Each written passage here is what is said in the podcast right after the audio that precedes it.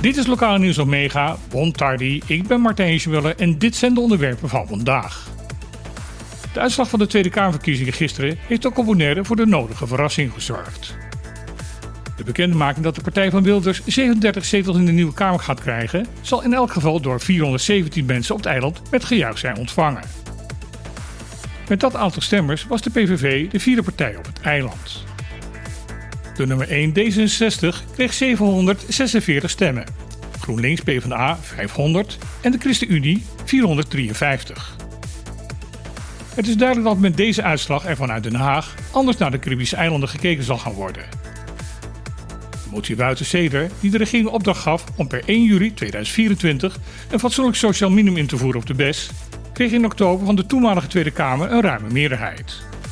De enige tegenstemmers waren toen Ja 21, Forum voor Democratie, PVV en Pieter Omzicht.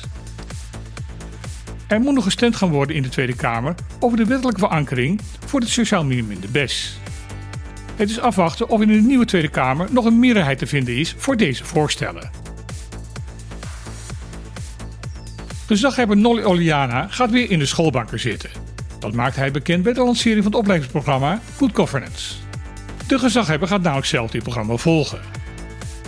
Hij doet dit omdat hij in zijn rol als gezaghebber ook lid is van de Raad van de Commissarissen van de 14 overheidsondernemingen die Bonaire kent. Maar het programma is niet alleen bedoeld voor overheidsfunctionarissen. Iedereen die in de rol zit van toezichthouder bij een onderneming kan er baat bij hebben. Het opleidingsprogramma staat open voor alle bewoners van Bonaire met minimaal een HBO-opleiding of gelijkwaardig. De beheersing van het papiermens is ook een vereiste. Deelname aan het programma kent een eigen bijdrage van 250 dollar. Schijnhuwelijken. Volgens de website Dossier Koninkrijk Relaties blijkt dat fenomeen op Aruba vaak voor te komen. Door te trouwen met iemand met een verblijfsvergunning van Aruba krijg je ook zelf de verblijfstatus om op het eiland te mogen werken en wonen. Als je deze situatie vijf jaar volhoudt, krijg je de Nederlandse nationaliteit en kun je, als je dat wilt, doorreizen naar Europees Nederland. Daar kun je, wanneer je dan een beetje gesetteld bent, weer een scheiding aanvragen van je fake partner.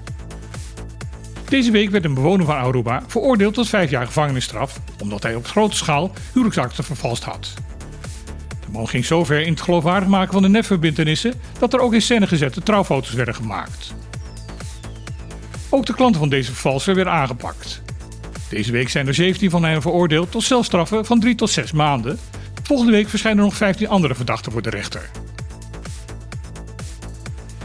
Minister van Buitenlandse Zaken Hanke Bruitslos heeft de Tweede Kamer gevraagd om zonder hier een debat over te gaan voeren in te stemmen met het opnemen van het papiermens in het Europees Handvest voor regionale talen of talen van minderheden.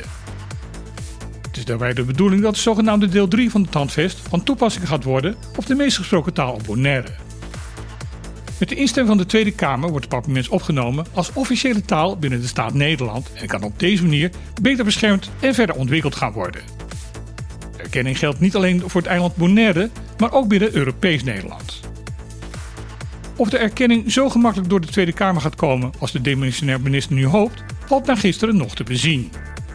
De nieuwste grootste partij, PVV, heeft prominent in haar verkiezingsprogramma staan dat er binnen Nederland uitsluitend de talen Nederlands en Fries erkend mogen worden.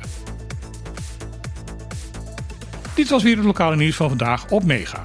Ik hoop dat iedereen vandaag kiest voor een mooie en rustige dag. En dan heel graag weer. Tot morgen.